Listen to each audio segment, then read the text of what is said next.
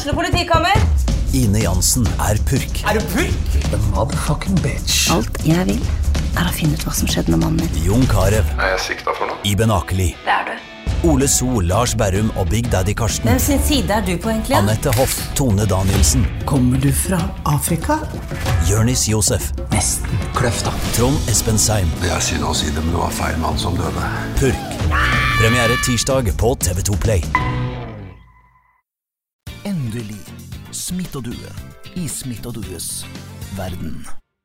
Da vil jeg få lov til å ønske velkommen til ny podkast med Smitt og due. Og velkommen til deg, eh, Glenn. Takk for det, Elisabeth. Tusen takk for at jeg fortsatt får lov å være med og podkaste sammen med deg. Ja, det kan du Jeg si. føler jeg er litt på nåde. Du, du kjenner at i dag har jeg vært streng, ikke sant? Du har vært streng hele uka, egentlig. Jeg er litt stressa. Jeg er litt stressa, litt streng. Ringer en ti-tolv ganger før klokka er åtte om morgenen. Ja, men det er noe med det, Glenn. Det er sånn, sånn kommer det alltid til å være, så det Ja, det må du det. bare venne deg til. Ja, jeg har vel Men si gå vend deg, legg deg i kurven din, så gjør du det. Og, Ja, ja. Så vi må ha en liten to do-liste. Så det, vi får til dette her. Aha. Men du, takk for sist. Like måte. Det var fantastisk gøy med livepod fra Mirabel. Det var det. Det var veldig veldig, veldig ålreit med Nadia og med Trine. Eh, Det var veldig mye dansing. Eh, Det var mye danseprat, Ja. men det var gøy å høre historien til eh, Nadia og Trine, og ikke minst partneren og hvordan de jobber, og Nadia fra Hviterussland, og kunne sammenligne litt uh, trenere. Og jeg syns det var en artig historie. Ja.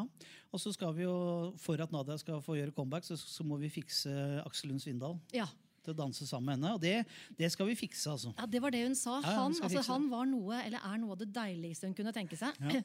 Skal vi se hva Og da, altså da Jeg spurte liksom Da, da, da dreit hun både i mann og barn. Altså ikke sant sett, Ja, men nei, men det var hun, Hun, slapp Ja. det hun hadde i hendene da. Ja, ja, hun gjorde faktisk så vi får, eh, vi får lobbe litt med Aksel og få han til å bli med på Skal vi danse, og så må Nadia være med. Det skal vi gjøre. Men vi har jo ny livepod 31. oktober allerede på nyåpnet Castello på Sørenga I Oslo. i Oslo. I Det tar Oslo. jeg og føler litt på, faktisk. At vi liksom skal forsvinne vekk fra trygge Lillestrøm. Trygge Er det Romerike. dette ikke vanskelig for meg, men uh, jeg, må jeg snakke penere?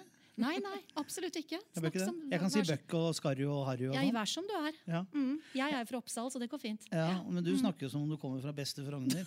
Så det er ikke mye Oppsal i uttalen hos deg. Nei da. 31. oktober, eh, da kommer Vebjørn Sand. Det gjør han. Kunstner og, og ikke minst øh, si, øh, initiativtaker til Roseslottet i Oslo. Mm, Dit skal jeg på torsdag. Jeg skal ha et lite møte med han eh, en times tid for å kunne snakke litt om hva vi skal igjennom. Det gleder jeg meg veldig til. Han ja, syns jeg. faktisk er ganske Kjekk. fin. Ja. Ja, altså kunst Jo, jo, og alt. kunsten hans er fin, ja. ja. Yes.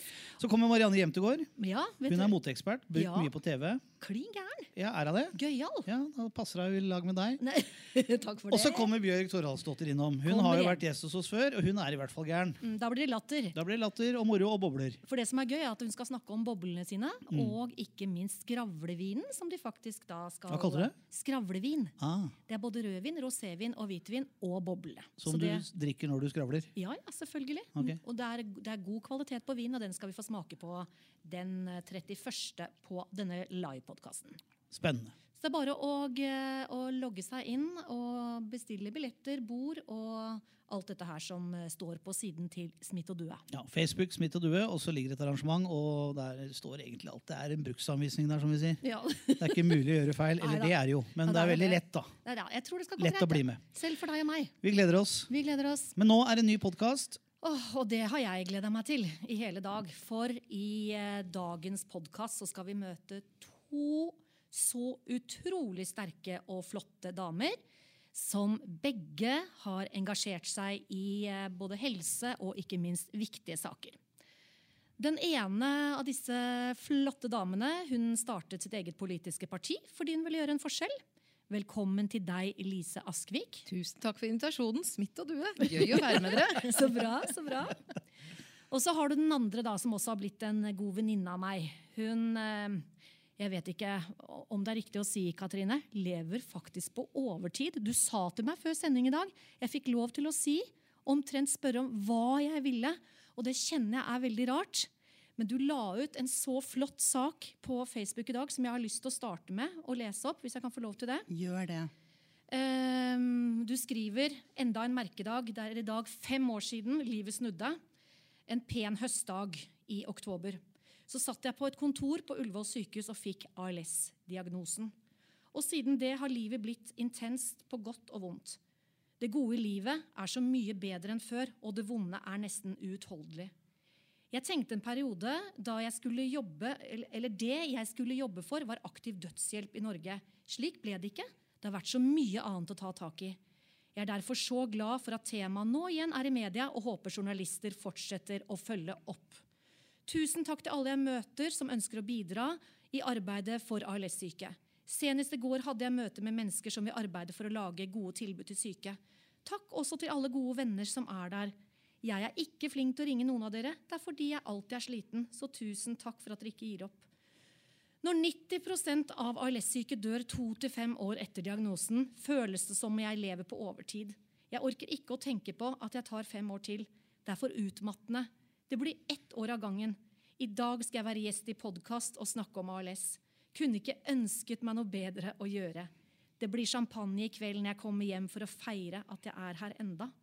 En liten tanke går i dag til alle de jeg har blitt kjent med de siste fem årene, som ikke er her mer. For dere og for de som kommer etter og fortsetter arbeidet med å gi ALS-syke et håp. Jeg vet at jeg ser frisk ut på bilder, men virkeligheten er en annen. Det er lite jeg klarer. Men det jeg klarer, tviholder jeg på med. Det koster enormt mye krefter. I sommer hadde jeg mye trøbbel med nakken. Hodet føltes tungt. Og jeg tenkte at nå må jeg ha nakkekrage. Jeg vet ikke hvorfor, men det gikk over. Hver gang jeg har vondt i hodet, lurer jeg på om sykdommen har startet på lungene. Da er jeg redd. Livredd, faktisk. Du skal være sterk for å leve med ALS. Det er derfor Bjørn Bjørnstad, som grunnla ALS, alltid litt sterkere, sa akkurat det. Skal du ha ALS, må du alltid være litt sterkere. Gjett om jeg er stolt og glad for å jobbe med gjengen min i styret der, og takknemlig for at de ønsker å fortsette å jobbe med ALS når de ikke har det tett på livet lenger. Jeg syns fremdeles tilbudet til ALS-syke er uverdig, og jeg jobber hver eneste dag med å prøve å endre dette. Jeg har en kjepphest nå, og det er right to try. For alle med dødelige sykdommer. Det skal, det skal vi garantert snakke om på podkasten. Right to try og medmenneskelighet henger sammen. Jeg skal ha gjort mitt for å være mamma lengst mulig, og da må jeg få medisiner. Katrine, dette er sterkt. Ja, ja. Så velkommen eh, til deg. Og når jeg leste, Glenn og jeg leste dette i dag tidlig, da må jeg si at jeg eh, felte en tåre og tenkte hvor i all verden tar du styrken fra? Takk for at jeg får komme, og takk for at vi skal snakke om dette. Um, ja, som jeg skrev der, jeg kunne ikke ønsket meg noe annet sted å være i kveld. Det er her jeg vil være, og jeg vil snakke med dere.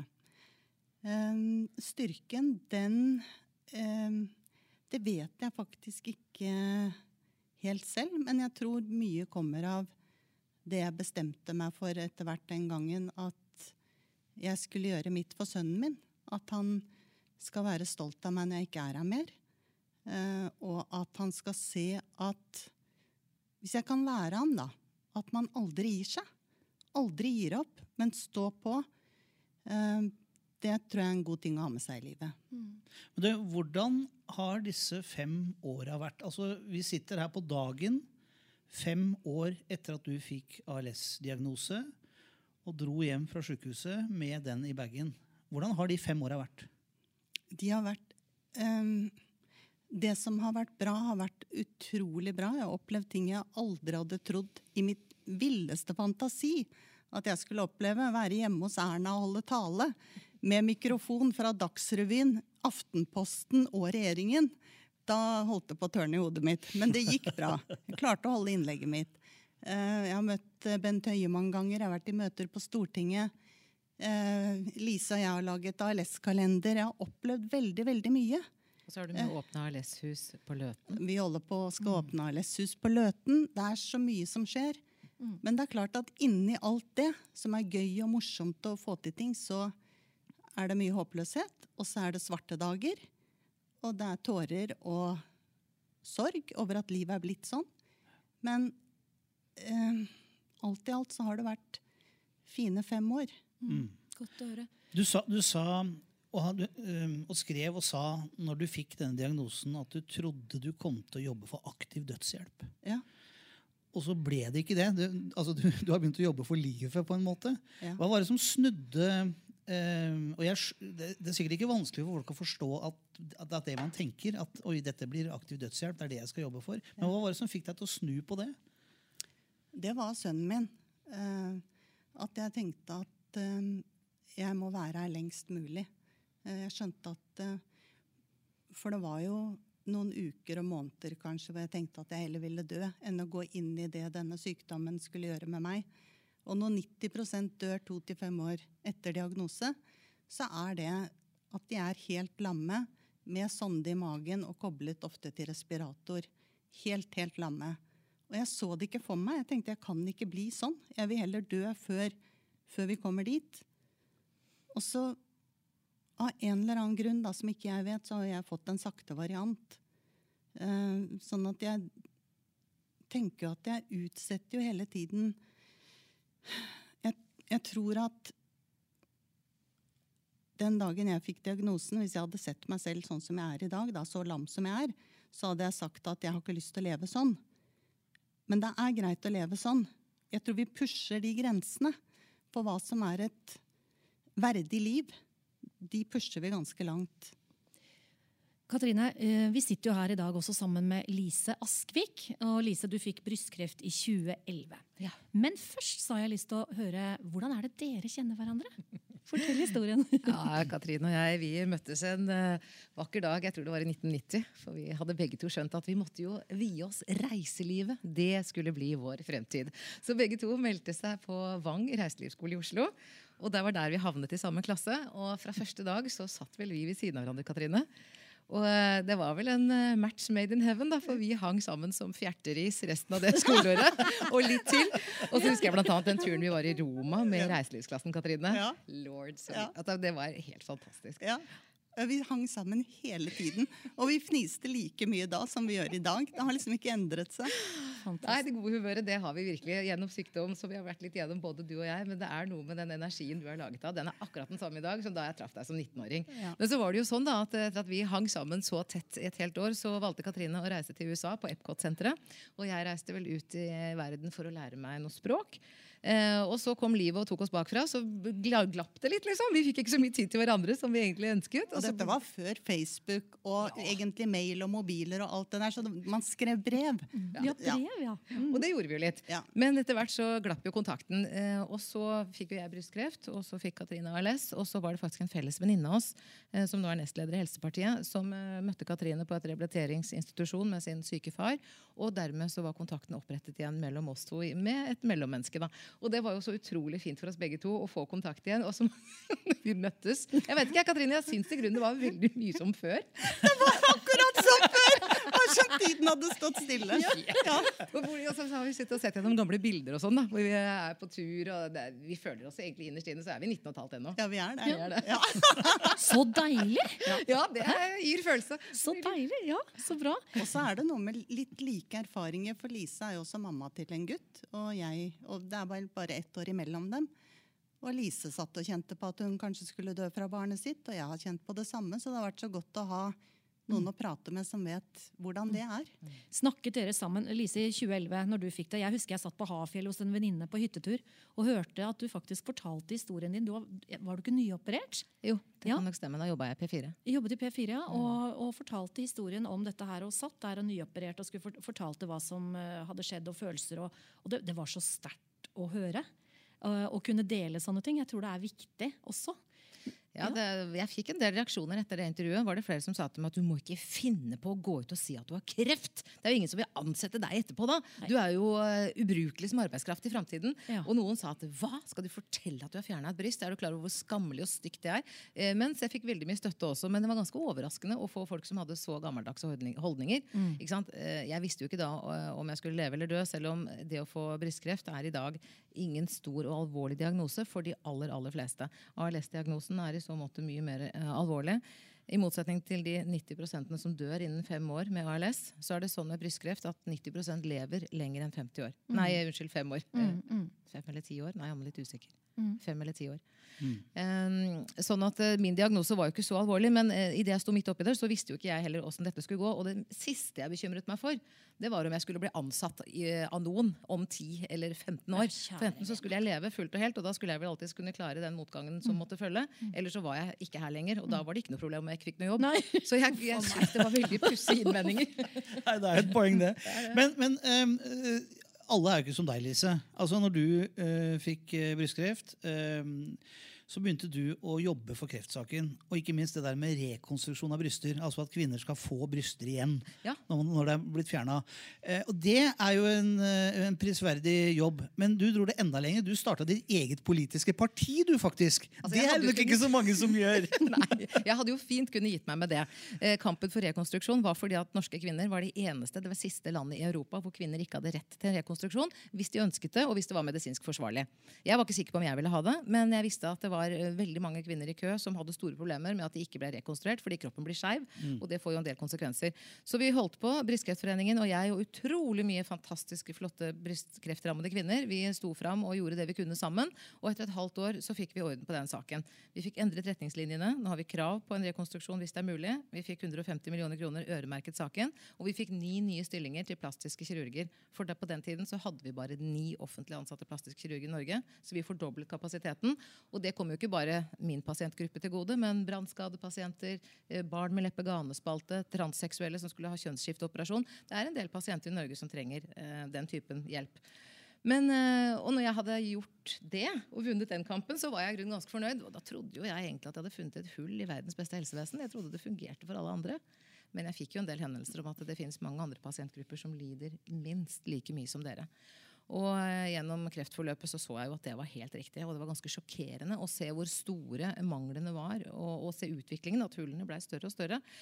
Eh, Så jeg skrev en bok. Den boken het 'Helsesviket'. Der fikk jeg mange helseansatte til å fortelle litt om sine erfaringer. Hva som fungerer, og hva som ikke fungerer. Og da tenkte jeg nå har jeg gjort mitt. Så reiste jeg til Cecilie et år. For det er noe med at når du har overlevd kreft, så tar du livet ved hornene og rir den tyren for alt den er verdt. Sånn som Katrine gjør. Og du får mest mulig ut av livet. Så vi reiste til Cecilia og bodde der et år og hadde det helt strålende. Men i løpet av det året fikk jeg masse henvendelser, og folk sa noen må starte et politisk parti. For at demokratiet må eh, klare å si at helse må prioriteres høyere. Og det var mange helseansatte som sier at vi får ikke lov til å si fra hvordan dette er på innsiden, så vi kan bare uttrykke oss politisk. Noen må starte et politisk parti, og det må være deg. For du er journalist, og du, kan, ja, du har vunnet en sak, og bla, bla, bla. Jeg skal love deg at det hadde jeg ikke veldig lyst til, Glenn.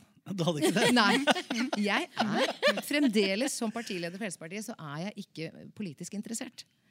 Men jeg er vanvittig engasjert i mennesker og i humanisme.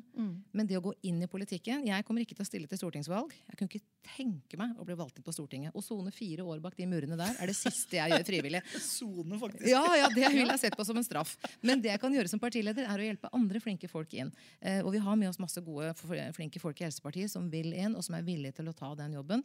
Så skal jeg gjøre det jeg kan fra utsiden. Eh, men vi starta et politisk parti. Det var en eh, Jeg hadde aldri gjort om igjen, for å si det sånn. Det var en ganske brutal jobb. Eh, Du vet, når du setter ut deg lykt i mørket, så kommer det både vakre sommerfugler og illsint veps. Mm. Så det, blir, det tar tid å bygge partikultur, men vi er eh, veldig strømlinjeforma blitt nå. og Det fungerer bra. Vi er 19 fylkeslag, og vi kommer til å stille til valg eh, neste høst.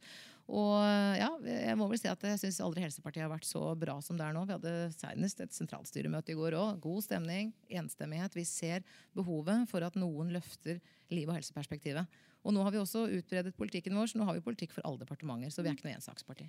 tenker på du, Katrine, og du også, Lise, har vært i møte med Bent Høie. Og det er jo, altså, dere, dere får jo til mye, da. Hvordan er det? Et Ja. møte gjør ingen sommer, Katrine. Eller hva Nei, nei, er. men dere har jo vært, Er det ikke et par ganger, da? Dere har jo eh, Katrine har møtt ham stadig vekk. Det er slutt mellom meg og Bent. Ja, det er- Katrine og Bent er gode venner. Ja, Katrine, Jeg er jo, jeg er jo litt glad i han, jeg, da. klarer du å holde på det forholdet her, da? Ja, jeg klarer det. Ja. Um, og, og, og det som er litt vanskelig, er at jeg liker han så utrolig godt. Så jeg klarer jo ikke å, å jeg har, Før jeg går i møte, så tenker jeg nå skal jeg sette han litt i vegg, så nå skal vi kjøre litt på. Men så begynner jeg å le, og så har vi det så hyggelig. Ja, Og, så, ja. og så når jeg går ut derfra, så tenker jeg søren, jeg skulle jo ha dytta litt mer på, da. Dere treffer hverandre som personer, tror jeg. Dere liker hverandre. Ja. Og da oppstår det en kjemi som gjør at det blir vanskelig å konfrontere. Ja. Og, men, men det jeg gjør, da, og som han og jeg kan le av sammen, det er jo at jeg skriver og melder til han. Så, det, så blekket spruter, holdt jeg på å si. Jeg skriver og skriver. Og så sa han sist jeg møtte han, så sa han du skal vite det at jeg leser alt du sender. Mm. Selv om jeg ikke er så flink til å svare hver gang. Men han svarer jo òg. Men da er du røffere i kanten. Ja, da er jeg mye tydeligere. Men vi Så- fikk jo, Katrine, vi sendte jo, du sendte jo en mail med oss på kopi, at både til uh, Sylvi og til Bent. Og vi fikk jammen svar dagen etter Ja da. om at de dessverre ikke hadde muligheten til å komme på grunn av, og det er jo forståelig, Ja. av hvilke grunner, Ja. der vi er nå. Mm. ja. Mhm. Men, eh, men eh, du har jo gjort noe nyttig der, da. Ja, og så må jeg alltid benytte anledningen til å snakke pent om Sylvi Listhaug, for hun har vært helt fantastisk. Ja, så Ja. bra. Hun har engasjert seg i ALS-saken. altså. Hun har engasjert seg, eh, og hadde vi ikke hatt henne, så hadde vi ikke kommet så langt som det vi har. For jeg tror at det er mye takket være henne og det som skjedde i Stortinget eh, i april 19, var det vel? Eh, hvor hun løftet hele ALS-saken opp til Bent Høie og de politikerne som var til stede. Eh, og på bakgrunn av det så sitter jeg nå i en arbeidsgruppe i Helsedirektoratet.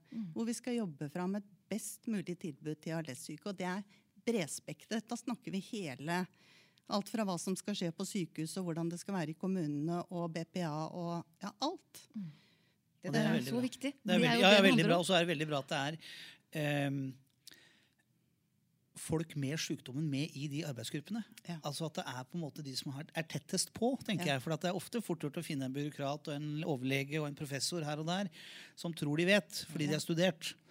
Men det å ha en som har det, er jo Men jeg blir jo så utålmodig. Jo, jo, det Jeg kjenner jo at jeg får lyst til å liksom eh, filleriste litt og si nå må vi Men det er du jo som type, egentlig. Ja, er nok Ja, men. Politikken er av natur også litt treig, men er du den eneste Ja. med ALS der, eller er dere flere? Eh, Jeg er vel den eneste, jeg er den eneste med ALS, ja. Hvor mange er dere da? Eh, Det varierer veldig. Eh, arbeidsgrupper som, og det har kommet folk fra hele landet, fra sykehus i Tromsø og Trondheim og Sørlandet, som er med i de gruppene. Men det er nye retningslinjer dere skriver nå. Ja. Det er det samme som jeg fikk retta på da vi hadde brystproblematikken. Så disse retningslinjene ligger til grunn for hvilken behandling man får på sykehusene. De er helt avgjørende. Så nå sitter du virkelig ved sakens kjerne, Katrine. Og det er takket være at du har stått på for den kampen her i offentligheten. Men problemet er at dette arbeidet det skal ta flere år til. Og det er tid jeg kjenner at verken jeg eller andre egentlig har. Sånn at derfor så må jeg, jeg må være takknemlig og ydmyk overfor jobben som skjer der, samtidig som jeg må presse på på de tingene som haster. Og det som haster aller mest, er jo dette med å få prøve medisiner. For hvis ikke så er det én ting som er helt sikkert, og det er at det går gærne veien. Mm. Får jeg prøve medisiner, så har jeg et bitte lite håp om at det kan bremse litt, eller Men hva er grunnen til at det stopper opp her i, i Norge? Hvorfor er politikerne, eller altså legestanden, sånn? Og Der er vel du også litt, eh, og Lise, eh, komme noe Hvorfor er det sånn? Det korte svaret er at systemet er rigget for å holde igjen kostnader. Ja, det, det er kun det. Nei, det er Ja. ikke kun det, men det det er veldig veldig rigget for å være lojal med økonomien. For mm. helseforetaksmodellen helseforetaksmodellen måler økonomi, og den har dessverre veldig lite øye på menneskeverd, på menneskelige behov. Eh, Det vi prøver i Helsepartiet, er å slåss for et helsesystem som i mye større grad tar hensyn til den menneskelige verdien. Eh, Det er nemlig sånn at uh, vi kan ikke bare regne kroner og øre. De sier at helse er et umettelig sluk. Og ja, det ville koste penger å gi Katrine medisiner, men det vi ikke regner på, er hvor mye koster det å ikke gi Katrine medisiner. Og ikke gi denne pasientgruppen og mange andre pasientgrupper medisiner. Det blir dyrt. For det gjelder jo eh, kreftpasienter også, Lise.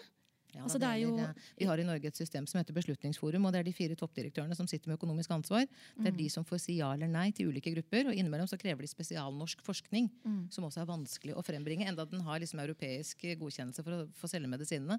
Det er veldig mye rare mekanismer, særnorske mekanismer, og veldig, veldig Altså Disse mekanismene som ble lovfesta i desember, er så særnorske at ESA, som er det organet som sjekker om Norge virkelig følger EØS-avtalen, de holder nå i disse dager as we're speaking, på å utferdige en tiltale til Norge. fordi at vi vi bryter EØS-reglene i lovs form med dette systemet Norge har. Så sannsynligvis, eh, Vi har vært i møte med dem i Brussel, vi i Helsepartiet, og vi tror at Norge kommer til å ryke på en dom her. Og vi kommer til å måtte gå tilbake på den lovfestinga eh, som Høyre og Arbeiderpartiet har stått sammen om. Vi tror ikke den er lovlig. Vi tror at retten til helsehjelp er mye dypere fundert enn det eh, de siste regjeringer har eh, anerkjent. Så jeg tror at Katrine har en sak med eh, et stort håp i mente, og befolkningen kan bidra med å peke på at liv og helse og menneskeligheten må faktisk høre opp i politikken. også. Men du Katrine, jeg vil spørre deg om en ting. Du snakket om fem år tilbake. Hvordan du følte deg da og nå. Ehm, jeg husker første gang jeg traff deg, så jeg kan jo ikke se på deg. Altså, du ser fresh ut, du er sminket, du har negler. Du er, altså, du er, du, du, er, eh, du er flott. Men hva, hvordan, hvordan, er det, altså, hvordan er det med kroppen? Hva er det du kan kjenne på av forandringer nå de siste årene? Um, altså For fem år siden så gikk jeg jo og kjørte bil. Eh, og når jeg gikk, så kunne man nok se at noe var litt galt. Jeg følte at jeg dro beina litt etter meg. Men jeg kunne jo gå.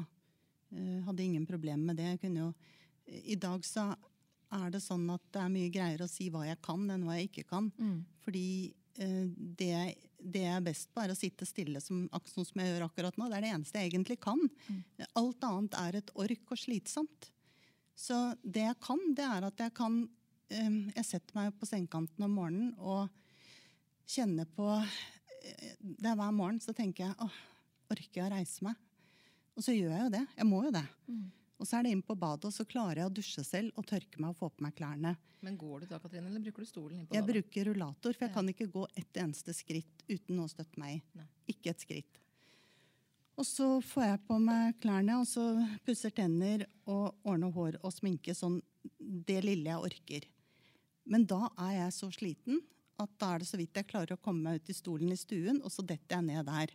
Og da må jeg sitte der litt. Og hvis søsteren min ikke er hjemme, så sitter jeg der en god stund, og så er du ute på kjøkkenet og lage kaffe og frokost. Så eh, jeg kommer meg ikke ut døren hjemme alene. Jeg er ikke i stand til å åpne den døren og komme meg ut alene. Så det betyr at du er jo helt prisgitt mennesket rundt deg. da. Og jeg kan jo sitte hjemme og tenke at åh, nå hadde det vært godt med frisk luft, eller nå skulle jeg gjerne vært en tur ut. Men så begynner jeg å bli mer uhåndterlig. Det er veldig vanskelig for meg å reise meg eh, hvis bilen er litt lav. Så det å dra ut med taxi hvis bilen er litt lav, så kanskje ikke jeg klarer å reise meg, så må jeg ha masse hjelp, og så må jeg dras ut av bilen. Alt, alt begynner å bli mer og mer vanskelig, og det er sånn at jeg noen ganger tenker at hvor, hvor ender dette? Hvordan skal jeg klare å følge denne veien videre, da? Men Katrine, går det noen gang på, på dette her med stolthet? Sånn i forhold til hvem du var og nå og For jeg husker Ja. i forhold til forrige gang vi møttes på livepodkasten. Dessverre så tenkte ikke vi på at det var trapper, og du kom i rullestol. Og jeg sier men vi kan bare, vi kan bare hjelpe deg opp. Vi kan bare løfte deg opp. Men da satt du nede og koste deg med bobler og fikk med deg masse. Og da tenkte jeg litt på det etterpå. Eh, hva gikk det på? Eh, det, Hva er kommer nå? Ja, nå skal jeg være helt ærlig. Altså, Jeg har gått opp 20 kilo siden jeg ble syk. Ja, og jeg er ikke i stand til Jeg har ingen spenst i beina. Hvis dere, liksom, hvis dere hadde gått ved siden av meg i trappen, så har ikke jeg noen ting å bidra med. Jeg er som en sekk poteter. Så det, det å få meg opp en trapp er eh, så å si uh, umulig. Eh, Jeg klarte det i fjor. Da hadde vi konfirmasjon for sønnen min. Så da eh, hadde jeg ett menneske bak og en på hver side. Eh, for da hadde vi selskap i et lokale hvor det var en trapp. Eh, og jeg tenkte det må jo bare gå. Så jeg kom meg opp den trappen. Eh, da er det en som går bak og løfter ett og ett bein opp på neste trinn. Og så de som er ved siden av, de drar da opp. Men jeg tror ikke det går mer. For jeg har ingenting å bidra med i, i bena mine. Men du har mange som er glad i deg, og så sitter du med din eks som har kjørt deg hit i dag, Ja. og venner og Ja, Ja. ja jeg har det. Så Men, men jeg bare tenker på um, Vi snakka om det sist gang du var gjest hos oss, um, uh, Katrine. Det der med uh, døden. Ja. Uh, du sa det jo den gangen at eh, du lever på overtid. ja. Dagen i dag er fem år siden du fikk diagnosen. Lever, du på over overtid nå, eller hva, Ja, nå hva, tenker, du, hva tenker du om det? Ja, nå Altså, er det over overtid. Det er det der med 90% som dør to til fem år etter diagnose. Og i dag er det fem år. Så i dag, nå, herfra og ut, så er det over overtid. Men hva, hva tenker du om det? Altså, tenker du nå at du lever et år til? Planlegger du et år til? Eller hvordan? Altså, jeg syns det er fælt å spørre om det, men Nei. jeg, jeg må spørre Nei, om det det. For, for, for hvordan planlegger du nå resten av livet når du er på over overtid? Eh, jeg, som jeg skrev i innlegget mitt i dag, så tar jeg ett år av gangen. Og for meg så er det fra nyttår til nyttår. Så nå er det fram til nyttår. Og så skal jeg ta ett år til. Det kjenner jeg. Jeg skal ta et år til. Men det å le og jeg, med den farten sykdommen utvikler seg i, så tror jeg jeg kan leve ganske lenge enda. Men eh, Det er noe med de Det er jo et mareritt å tenke på hvordan dette livet skal bli, da. Med å måtte ha hjelp til absolutt alt. Tenker du på det hver eneste dag, eller? I forhold Ja. til, ja. Men, men sånn som ofte med, med kreft, vi hører med om kreft, at kreftpasienter ja, Dette med innstilling, er du positiv, så kan du, ikke sant, så kan du leve lenger, og godt humør, treffe venner, drikke bobler. Hva, hva tenker du om det og ALS? I forhold til gleder i livet? Jeg tror at det på mange måter har vært med på å holde meg gående. Det at jeg ehm, Jeg har så mye fine folk rundt meg da, som vil meg så vel. Og som kommer og henter meg og ikke hører på mine motforestillinger når jeg sier at jeg tror kanskje ikke det går. Jo da, det går. Og så tar de meg med ut. Og så har jeg det gøy. Jeg pleier å si at uh, bobler og le godt med venner, det er den beste medisin. ja, Derfor så drikker vi lykkebobler. Ja. Vi må Ja, det, si det. ja, Katrine skrev jo det. på Facebooken sin i dag, at hun skulle hjem og drikke bobler i kveld. Og da tenkte jeg i kveld? Vi skal ikke vente så lenge. For vi har jo gjorde da? ja, Da sendte jeg melding til deg, da, vet du, Glenn. Og så gikk du Ja, så var du var så flink. Ja, det er du som har skaffet Ja. det. Jeg har Og satt, Ja, vi og satt det på kjøling, så da skal vi ta en liten skål. Ja, vi må ta en skål. Vi skåler for livet, da, dere. Skål Ja, for Det livet. gjør, det gjør vi absolutt. Det er veldig bra. Ehm, Jeg må spørre, Katrine, er du, er du mer redd for tilværelsen med sonde respirator enn det å dø? Ja. Jeg er ikke redd for å dø i det hele tatt. Jeg tenker at eh, så slitsomt som livet er allerede nå, så eh, tenker jeg at eh, det gir litt fred. Jeg tror det, det blir bra når det er over. Det blir ikke bra for de rundt meg, men det blir bra for meg. Men samtidig så, jeg, så er det familien min, det er foreldrene mine, det er sønnen min, det er søsteren min. Så jeg føler jo på at jeg er bare nødt til å bite tenna sammen og ta dette som det kommer, og bare Det er jo Jeg kan jo ikke gi opp. Og tenk hvis det en dag kommer medisiner. Hvordan forbereder man en sønn på at mora skal dø av? Eh, altså, eh, jeg, jeg tenkte på det i dag, for Elisabeth spurte meg litt om, om han og den gangen. Og, eh, og så jeg, Det jeg husker, er at jeg ikke klarte at han kom til meg. Um, han måtte være hos pappaen sin noen dager, for jeg bare gråt. Jeg følte jo at jeg um, Jeg var bare et Jeg hadde revna, liksom. Jeg var i tusen biter. Det var ingenting Du hadde av fått meg igjen. dødsdommen, Katrine. Jeg hadde fått dødsdommen. Hvem av oss hadde ikke revna det? Ja, så da Jeg klarte ikke å se han, for jeg var redd for å skremme han. For jeg kom bare til å Han var elleve år. Jeg kom bare til å hulke og hulke og hulke. Så det Da var han hos pappaen sin noen dager, og så husker jeg Så husker jeg at når han kom til meg igjen, og og han hadde lagt seg om kvelden og lå og sov så la jeg meg inntil han, og så holdt jeg rundt han, og så lå jeg og gråt. Og så husker jeg tenkte at, at jeg måtte liksom holde rundt han mens armene mine var i stand til eh, For at for, en, for mange av lessyke så er det jo sånn at armene Jeg blir litt sånn å, rørt. Armene eh, blir jo helt lamme, så man klarer jo ikke å holde rundt de man er glad i. Så det var det jeg tenkte, at jeg må holde rundt han mens jeg er i stand til det. Og nå er jeg jo fremdeles i stand til det. Og da var han 11 år. Da var han 11. Ja, og nå er han 16. Ja. Og hvordan, hvordan tar han det nå, da? Hva Vi snakker ikke så mye om det. Ehm, jeg tror ikke han har så stort ja, Jeg tror ikke han har noe så veldig lyst til å snakke om det. Eh, og så tenker jeg at eh, han vet jeg er her, og at jeg kan snakke om det med han når det måtte være. Og så har han jo også fått tilbud om å snakke med utenforstående om det, hvis han vil det. Så mm, Men man klarer jo ikke å Det er jo det kjæreste jeg har. Så Ah, det er nesten umulig å, for meg å snakke med han om det, kjenner jeg. Men eh, jeg, jeg gjør det hvis han vil. Og Vi som har sønner i den alderen, Katrine, vi vet jo også at de må komme på eget initiativ. Ja. Dette skal ikke vi dytte på dem, dette må de komme med når de er klare sjøl. Men Lise, når du fikk brystkreft, tenkte du at du kom til å dø? Ja, jeg var også der hvor jeg en stund ønsket å dø. For jeg fikk så vanvittige sterke bivirkninger av eh, den sterke cellegiften. Så det var et, og det var en ekstremkvalme jeg opplevde. En sånn kvalme altså For det første så var halsen plutselig lagd av bark, så jeg klarte ikke å svelge vann. Nå er det én ting du må gjøre når du er full av cellegift, så er det å drikke for å skylle det ut av kroppen. Jeg hadde jo min egen do og tissa rødt, og jeg, jeg fikk beskjed på sykehuset om å ikke la andre i familien gå på den doen du går, for det er så giftig og sånn.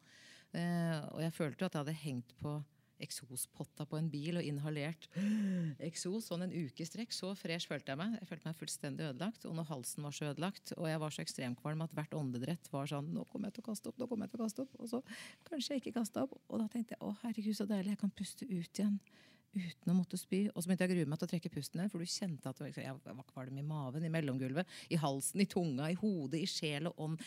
Du, du, var kvalm i alle lag av din eksistens. Og da sa jeg til slutt til mannen min at hvis dette, det var på tiende dagen, og da sa jeg hvis dette ikke gir seg, så foretrekker jeg å slutte med cellegift, og da vil jeg heller dø av kreft. For dette her er ikke noe sted å være. Dette er så lidelsesfullt at jeg kan ikke stå i dette her. Og det var jo selvfølgelig kanskje litt sjølopptatt å si, men når lidelsen krysser på en måte alle grenser, så uh, finner du en styrke til å gi et nytt fraspark hvor det på en måte ikke er verdt å stå i det lenger. Og jeg var der, men nå skal det sies at allerede dagen etter at jeg hadde nærmest sagt at hvis dette ikke gir seg, så gir jeg meg, så slapp kvalmen. Uh, og det ga jo nytt mot. Mm. Jeg hadde sånne ekstremkvalmeperioder etter hver cellegift, så dette var fjerde gangen. da. Men uh, så snakket jeg med en del andre brystkreftsøstre, og de sa at de var kvalme fremdeles mange år etterpå. Men jeg vet ikke om det var sånn intens ekstremkvalme eller om det er sånn jevn kvalme. Men sant, kvalme dreper livsmotet. Mm. min erfaring. Men mm. det, det, mest alvorlige Jeg kan godt relatere meg til det Katrine sier. For at Leo var fem år, eh, min sønn, da jeg eh, fikk brystkreft. Og det som var aller mest viktig for meg, det var å sørge for at han var i vater. For hvis han ikke ble redd, så var det lettere for meg å ha godt mot. Eh, men jeg hadde bare brystkreft. Det er noe annet enn ALS. Jeg understreker det. Sånn at, eh, og min sønn eh, var jo fem år og, og tok ikke dette her så veldig tungt. Eh, mannen min tok det også ganske lett, og det hjalp meg veldig. De mm. speilet meg akkurat som den jeg hadde vært før. Så selv om jeg var veldig sjuk, så forventet de at mor tok og feide over gulvet, og jeg skulle holde orden i klesvaska. Og det, det, var litt godt! Det var litt deilig å ikke få så mye særbehandling, for jeg klarte det jo. Det var jo bare at jeg måtte spy en der innimellom. Mm. det går an, det òg. Men det å se våre barn redde, det tror jeg er noe av den verste lidelsen man kan gå gjennom. Mm. Å se deres lidelse i øynene. Mm. Så jeg skjønner så godt også sønnen til Katrine, som egentlig ikke vil ta denne praten. Mm. Og så er det jo det, Katrine, at det har jo heldigvis gått så sakte med deg at mm. det har ikke vært det store presset eh, på dere til å ta den samtalen. Nei. Og din kloke sønn, han blir eldre for hver dag som går. Ja. Sånn at, og jeg er jo veldig takknemlig for at jeg også har overlevd brystkreften. For nå er jo sønnen min blitt 15 også. Det, du ser at De blir jo andre mennesker, og de finner ny styrke for hver dag som går. Så det at det blir eldre, det, det kan vi være glad for. Det er en velsignelse. Det er det. Men du, damer, får dere, er, er det sånn at når, du, når man får en alvorlig diagnose, blir det et annet perspektiv? Ja, det vil jeg si. Ja, helt. Ja. Bare, ikke, bare, ikke, på bobler og menn. samme perspektivet! Skål, da! Ja, for, du, skål, for du, du, klager jo fortsatt, og du snakker om at du har lagt på deg og cellulitter. Og, altså, vi er jo bare mennesker. Og ja, Vi er like forfengelige som før. Ja, ikke sant? Ja. Det er jo noe med det. Og, var, og det var veldig interessant. Jeg mista alt hår eh, og all pels overalt. pels, faktisk. Fy farao. Eh, altså, det var å våkne, og da etter hvert når håret kom tilbake, å våkne med håret på, det var gøy, da. For jeg hadde jo veldig mye parykker. og så jeg kjenner meg igjen det Katrine sier, det å ikke kunne sminke seg lenger fordi armene dine er blitt tunge. Jeg vet, eh, det, altså, Vi er forfengelige damer, det må vi bare innrømme. Mm. Men samtidig så får man jo et annet perspektiv. Så når koronaen startet og disse beauty-salongene ble lagt ned eller måtte stenge, og damer gikk ut og sa at uff, jeg får ikke satt på negler og vipper, og ja. da tenkte jeg åh, ja. Velkommen til klubben. Ja, uff da. Uff da ja. ja det, er, det, er, det er tøft liv. Ja. Og media skrev jo saker om det. De stakkars kvinnene som ikke får løsvipper lenger. Hallo. Ja, tenkte jeg det. Du, det er én ting til som jeg kunne tenke meg å, å, spørre dere om. Det var For noen år siden så var det en fengselsdirektør på Ila fengsel, Knut eh, Bjarkeid, som ble intervjuet av NRK. Han fikk ALS, og så ble han spurt om han var redd for døden. Og så sier han nei, jeg er ikke redd for å dø, men jeg, eller døden, men jeg er eh, redd for veien til døden. Eh, og han, også, han ønsket å reise til Sveits for å avslutte. Hva tenker dere om dette her med aktiv dødshjelp? Det syns jeg er litt interessant. Det er jo interessant at uh, flertallet i norsk befolkning er for aktiv dødshjelp. Eh, Flertallet på Stortinget er imot aktiv dødshjelp. Så det er et eh, spenn der. Jeg tenker at Den som har vært i situasjonen, kanskje best kan svare selv. Og det er jo viktig å ikke ha et system hvor man skal presse folk over den kanten og si nå vil vel du ha litt aktiv dødshjelp, du bestemor. Du begynner å bli litt dyr. Vi skal ikke ha et system hvor folk kan presses over grensen. Men det er heller ikke å ha bra å ha et system eh, hvor man ikke lenger kan eie sitt eget liv, og også eie retten til en avslutning uten all verdens lidelser. Så jeg syns at den debatten er noe som må opp igjen. Mm, det syns jeg òg. Og jeg var så glad når jeg så debatten i forrige uke med de flotte foreldrene som hadde fulgt sønnen sin til Sveits, at de startet eh, den debatten igjen nå. Og så håper jeg, eh, som jeg skrev, at media fortsetter. Eh, for vi trenger den debatten. Og det er ikke farlig å snakke om i det hele tatt. Og som jeg skrev i dag, da, at det er jo noe jeg tenkte mye på når jeg hadde fått diagnosen. Og jeg husker jeg tenkte men skal jeg virkelig måtte reise helt til Sveits? Mm. Altså, og da tenker jeg også at um, da må du jo planlegge, og da må du faktisk reise litt før du egentlig må. Fordi du må være i form til det. da. Mm. Kan du være hjemme i Norge og avslutte og vite at du skal få lov til det, så kan du utsette det så lenge, da. Mm.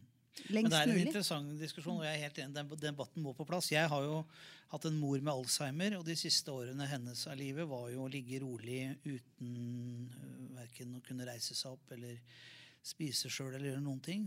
Og Jeg holder en del foredrag om det der med demens og alzheimer, hvordan det å være pårørende til, til en mamma med det.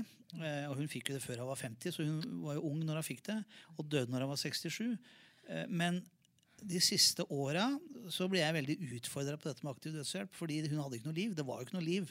Eller det var liv fordi hjertet slår, og hun ligger der. Hun er ikke kontaktbar, kan ikke prate, svarer ikke, responderer ikke. Og det gjør hun i to år av livet ditt. Og er det et verdig liv? Led hun, tror du? Led hun? Det er vanskelig å svare på. Hun fikk litt uh, medisiner, fikk litt for ting og tang. Men det er jo helt umulig. Jeg pleier å si i de foredragene at innimellom så kunne jeg godt tenke meg å koble til en sånn kabel til hjernen hennes og så slå på PC-en, sånn som du gjør med moderne biler, og se hva som er gærent med henne, og se hvor hun har vondt den. For det er helt umulig. De siste tre-fire åra var det ikke mulig å kommunisere med. Du kunne ikke spørre har du vondt, så fikk du bare hebla hebla tilbake. Mm. Men det der med aktiv dødshjelp, den debatten må vi ta, for den er viktig. Og så er det jo selvfølgelig vanskelige balanseganger rundt det. Jeg tar jo føler på det. Eh, men eh, og men, legemiljøet er jo veldig imot. Og det kan jeg til viss grad forstå, for det er jo forferdelig gjerning hvis du har utdannet deg til å redde liv, mm. og så skal du plutselig få beskjed om at nå skal du begynne å avslutte liv. Mm. Så jeg tenker at det må være en egen sjanger av legeutdannelsen i framtiden. Hvis ja. et samfunn går for eh, et tilbud eh, under selvfølgelig veldig mange strenge kriterier, for det er ikke hvem som helst som kommer til å bli innvilget aktiv dødshjelp, men med en egen profesjon. Eh, hvor det å følge folk fram til dødens port Jeg har gjort det selv, ikke som aktiv dødshjelper, men som eh, nær pårørende til en kusine mm. som døde av kreft. Og det å være med et menneske helt fram til dødens port, og så slippe taket der og da, det er jo veldig vondt. Men det er også noe helt eh, Helt, det er noe veldig stort og sterkt ved det også. Fordi at livet ender med døden. Ja, ja nei, jeg er enig i det. Men noe av det handler jo også litt om man veit litt hvordan det kommer til å bli.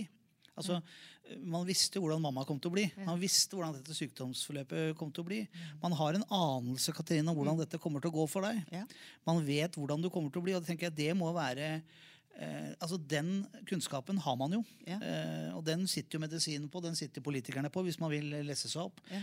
Så tenker jeg Det må jo være ganske avgjørende. Så er spørsmålet vil man, vil man dit. Eller er man eh, Og det er den diskusjonen og debatten man må ta. da Skal det være da mulig for for meg å si at nei. Og i, i mammas tilfelle så ville det jo vært vi, altså faren min, broren min og jeg, som måtte ta det valget. Mm. For hun var jo ikke i stand til det.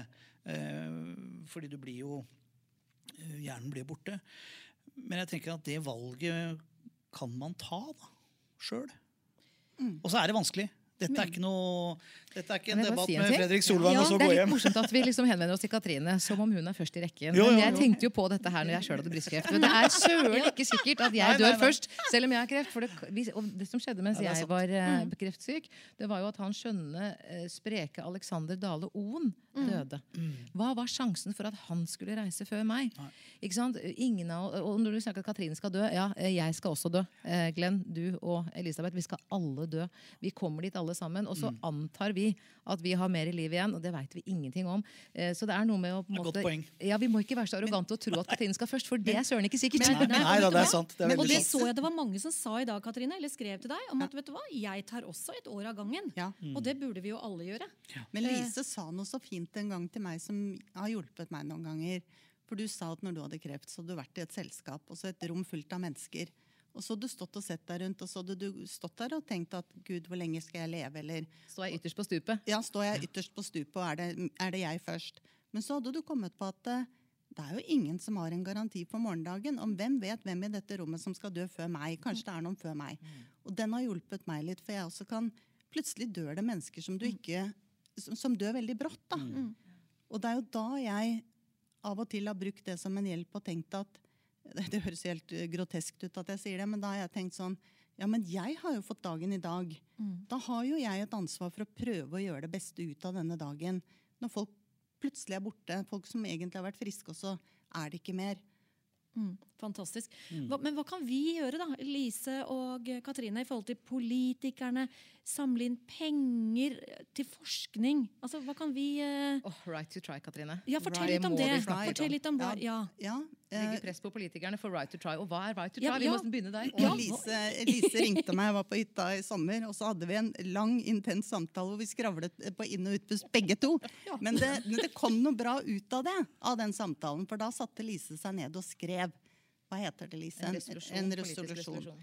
til Helsepartiet om right to try. Og det handler om at eh, sant, når man tester ut medisiner, så er det sånn at den skal gjennom Det er vel tre faser. Fase én eh, Det tar jo lang tid å teste ut medisiner. Det tar veldig, veldig lang tid. År. Eh, Fase én, da har man vist om medisinen er trygg å bruke på mennesker. Om Og man ser på om det er noe forgiftningsfare, og man ser på dosering. Og da, Hvis det er en medisin som er i fase 1, eller har passert fase 1, og man ser den er trygg, og man ser også at oi, den ser ut som den har litt effekt, men da har den jo flere år igjen før den er ferdig, da mener jeg at vi som er alvorlig syke og egentlig ikke eh, har noe håp, vi burde få lov til å kunne prøve de av oss som har lyst på det håpet. da. Som i Gi USA. oss det, som i USA. Dette har gått gjennom eh, på Donald Trumps vakt. vakt. Han har fått dette gjennom. Han har gjort noe bra. Han har gjort, det, er den, det er den ene tingen jeg kan dra frem. Ja, ja. dette, dette er viktig. Ja, ja. Eh, og det handler jo om at Um, alvorlig syke og døende mennesker skal slippe å reise til utlandet i desperasjon, bruke alle sparepengene sine i et håp om å få hjelp. Den, det håpet og den hjelpen burde vi få i Norge. Og jeg kjenner at jeg blir litt sånn opprørt og sint når jeg snakker om det. Fordi um, jeg tenkte jo når jeg ble, eller før jeg ble syk, så tenkte jeg jeg bor i Norge, og eh, her er ting på stell. Og så er du en del av helsevesenet sjøl. Ja, jeg jobbet i helsevesenet selv i så Mm. mange år. Jeg følte jeg var med på å gi et godt tilbud. Og så blir jeg, får jeg en så dritten diagnose, og så er det ingenting der. Mm. Um, og ingen ønske om å prøve å hjelpe meg. Jeg kan, vi kan godt le litt av én ting nå, for det trenger jeg å le litt av. Um, og det er at jeg fikk et brev i posten med innkalling. Det er ikke sånn det fungerer. Det er ikke sånn, nå må dere le. jo da. Jo da, sånn er det. Sånn er det nå. Vi lytter. Fordi jeg fikk brev i posten med innkalling til Ullevål. Og der sto det at de ønsket å teste meg kognitivt. Det betyr å teste om jeg begynner å bli dement. Og da kjente jeg at hvis det er det dere har å tilby Hva? ja, Det er ikke noen del av ALS-diagnosen, det? Eh, det kan, det kan dessverre være en del av, av, av sykdomsbildet. Noen blir demente. Men jeg har ikke noe behov for å dra på en kontrolltime. Det er for å sitte og tegne at klokka er ti over to og telle fra 100 baklengs. Og, Unnskyld at jeg altså, ja, jeg vil veldig gjerne at vi skal le av det. Er jeg? Ja, jeg, vet vil jeg- veldig gjerne at vi skal le av det, for jeg kjenner at eh, jeg ble bare opprørt og sint. Og så sendte jeg en mail og sa eh, jeg kommer ikke på den timen. Hilsen Katrine Nordstrand. Ja. Ja. Fikk du noen respons på det? Uh, nei, Nei. nei, da, nei, det var greit.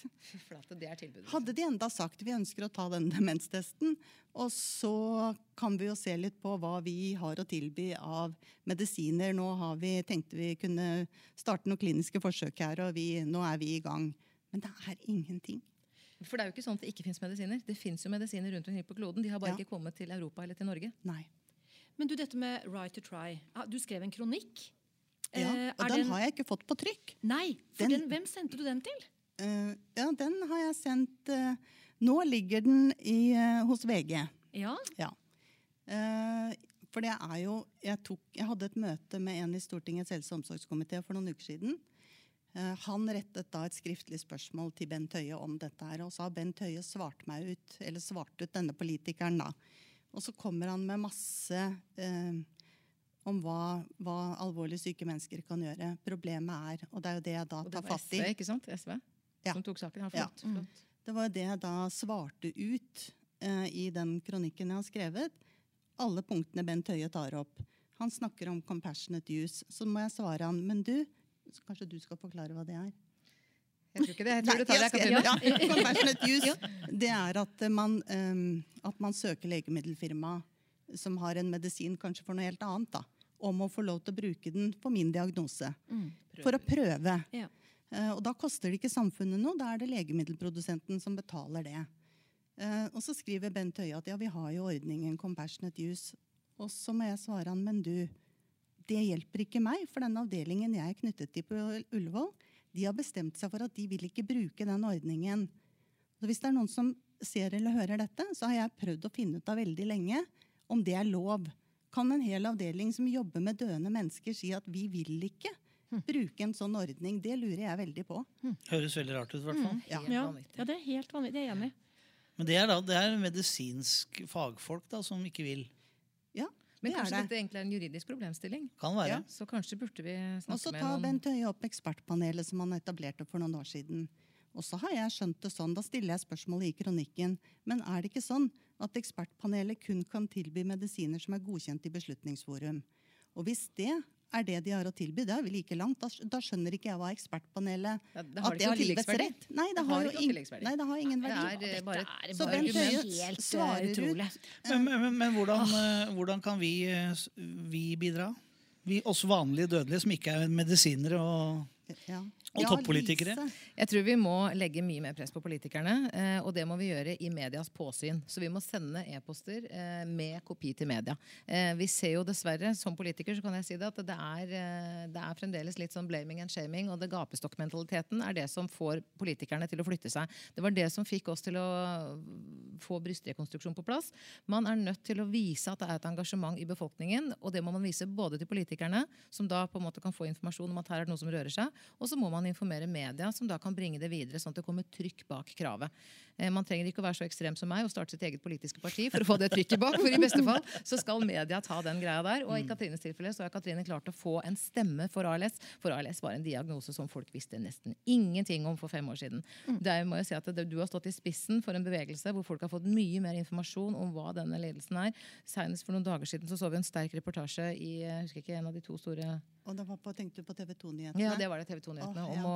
å komme ut på På prekestolen. han, som- åh, er, jeg. Kjempesterkt. Vet du, Jeg gråt så jeg ikke kunne prate. Jeg Ja, var det helt, var- og det jeg, var så, jeg, var og jeg hadde sånne hovne øyne dagen etter. Ja, det var så Jeg jeg grusomt, eller det var så flott, og det var, så, det var på alt på en gang. Ja. Men det å få ut informasjonen og det å legge folkelig press bak det jeg tror, Det er derfor jeg starta et politisk parti. Jeg tror at demokratiet er den eneste motkraften som kan få eh, dette økonomikjøret som Norge dessverre er på når det kommer til helse. At Det er ingen annen sektor i samfunnet som måler individkostnader på enkeltmenneskers hode. Men i helsesektoren så gjør de det. Hvert enkeltmenneskes pris blir vi regna på. Og det er så uetisk. Det skjer ikke i noen annen bransje. Og vi kan ikke ha det sånn. For helse er den mest eh, opplagte forutsetningen for ethvert liv. Uten liv og helse så trenger du verken fiskeripolitikk eller næringspolitikk eller kulturpolitikk engang. Så vi er nødt til å prøve å få folk til å engasjere seg. Jeg tror det, og snakke, altså? Glenn, du har gode kontakter inn i regjeringspartiene. De som har kontakter, Snakke med journalister. Dere kjenner jo masse journalister, Elisabeth. Så jeg tror å gjøre sånn som eh, Katrine har gjort. eh, Legge stort press på, sørge for at det kommer mer informasjon til saken. Eh, og så tenker jeg jo også at legemiljøet har en jobb å gjøre. Helsemiljøet har en jobb å gjøre med å ta pasientens parti mot et system som presser dem veldig hardt mot øko på økonomi. Men én liten ting som vi i hvert fall kan gjøre, eh, som kanskje ikke koster så mye Når jeg ser på deg, Katrine, du har masse flotte, fargerike armbånd. Eh, Det er en tivoli, altså. Ja, det er en tivoli, det er en tivoli. Fra morgen til kveld. Kan man få nok, sier jeg bare. Ja, Nei, ja, ja. nå Hvor har du? Ja, ja. 10-12? Ja, Ja. 10-12. Kjempekult. Men det handler jo om, eh, om eh, Der står det jo Der står det fuck ALS. fuck ALS. Eh, Kort og godt. Kort og godt. Og disse armbåndene kan du få kjøpt. Da kan du gå inn på nettsiden til venninnen min Therese Asbjørnsen, som har siden Fuck ALS på Facebook. Og så er det VIPS til 51 61 59. Si det en gang til, Vipps-nummeret. 51 61 59. Men gå inn på Facebook-siden til Therese, Fuck ALS, Og kjøp et armbånd. og kjøp et armbånd. Jeg har jo kjøpt flere gjennom tiden, men jeg kost, det kosta 125 kroner. Stemmer det ennå? Ja, 120-125. Jeg husker ikke, for det er med porto. Og jeg tenker på, det er, jo, eh, det er jo så hyggelige gaver å kunne gi, i tillegg til at man bidrar. Og det nærmer seg jul, og vi Ja. har jo det meste, så hvorfor ikke? Hvorfor ikke et fargerikt Hvorfor armbånd? ikke? Og de er fine. Og du kan, eh, Therese har til og med sagt til meg at du kan eh, skreddersy ditt eget. Hvis du f.eks. er glad i rosa og bare vil ha et rosa armbånd, så kan du få det. Det har Therese sagt til meg. Hvor, Ja, hvor, hvor mye det. penger er det blitt av disse armbåndene? Du, det, vet du, Therese har gjort en helt uh, utrolig innsats. Hun har samlet inn over en halv million kroner Mm. til forskning på ALS. Til ALS alltid litt sterkere. Ja, til ALS alltid litt sterkere. Ja.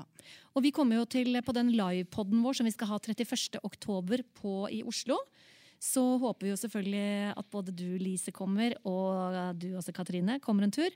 Og Er det bobler der? det er bobler! Masse bobler! Det skal jeg love deg. Vi har ikke ett arrangement uten bobler. Nei, nei, nei, nei. så det, Men i hvert fall da har dere også muligheten Da tenkte vi at vi skulle selge de armbåndene der og da. Og bare sende rundt til damene i eh, lykkerus eller boblerus eller hva det nå heter. Da er det lett å, å dra kortet, holdt jeg på å si, eller i hvert fall vippse. Så Eh, lur du, Elisabeth. Ja, men er, mest av alt har det støtte en viktig sak. ja, selvfølgelig er det det. får være vårt lille bidrag. det. Ja, det får være vårt bidrag Det er ikke så lite, det. Nei. Du, Det har vært utrolig hyggelig å ha dere på besøk eh, hos Smith og Due eh, og snakke om en veldig viktig sak. Litt vondt og litt godt. Hæ? Litt vondt og litt godt. Litt vondt og litt godt. Ikke Ja, si at vi er utrolig ferdige ennå, Lise. Jeg kunne prate Ja, Ja, veldig, bra. Ja, vi kan fortsette. Så skravle etterpå. Nei, og, og, øh, og man, det er jo helt umulig å ikke bli rørt um, av deg, Katrine. Helt umulig å, å ikke bli engasjert uh, følelsesmessig. Um, tusen takk for at du gjør det du gjør, og tusen takk for at du er den du er, vil jeg si. Fordi at uh, denne sykdommen trenger åpenbart et, uh, et menneske som deg. Tusen, tusen takk. Så jeg tenker at også de, Vi har jo et stort nettverk, både du og jeg, og vi som sitter her. At de som har lyst til å høre eh, historien til Katrine, så, så lenge du er i form, Katrine, og har venner eh, og eksen din og som, som sjåfør. pappaen til, ja, som kommer og kjører deg, så kommer du gjerne rundt og forteller eh, historien din om denne utrolige hva skal jeg si, viktige saken. Ja, og ikke minst grusomme sykdommen Ja. som eh, Den kan ramme hvem som helst. Det er akkurat det mm. den kan. vet ikke hvem som blir den neste. Og den rammer i alle aldersgrupper i Norge fra tidlig i 20-årene til, til gamle mennesker. I USA så er det tenåringer som har dødd. Så det er, jeg har sagt til politikerne hva gjør vi når vi får en tenåring i Norge med den diagnosen. Vi har ingenting å tilby. Og litt flere register også, på hvem Ja. som blir eh, syke, kanskje. Ja, Etter hvert. det er en god idé. Ja, Det, det venter vi på. Ja, det venter vi også på. Har vi ennå ikke fått Det er et en annen sak. Nei. Nei.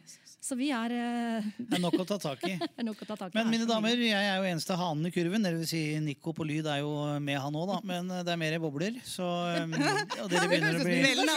Dere begynner å bli tomme i glasset, så jeg tenker kanskje at eh, vi, vi runder av podkasten. Tusen takk for at dere kom, begge to. Tusen takk. Katrine, vi gleder oss takk. neste gang vi kan møte deg. like måte. Tusen takk.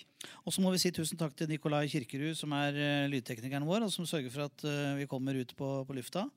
Og så gleder du og jeg oss til livepod på Castello på Søringa i Oslo 31. oktober. Alltid. Lurer på hvilken sang jeg skal synge da. Jeg. Ja, du må i Blue Moon. synge. Ja, Blue Moon, ja. Det er nemlig Blue Moon er blåmånen når du får en kalendermåned med to fullmåner. Ja. Vi hadde fullmåne 1. oktober, og vi har fullmåne 31. oktober. Ai, ai, It's a blue moon night. Det er en magisk aften. Så den podkasten Blue Moon, vil da. vi ikke gå glipp Da må jeg bare lære meg den, da. den, da. da øve.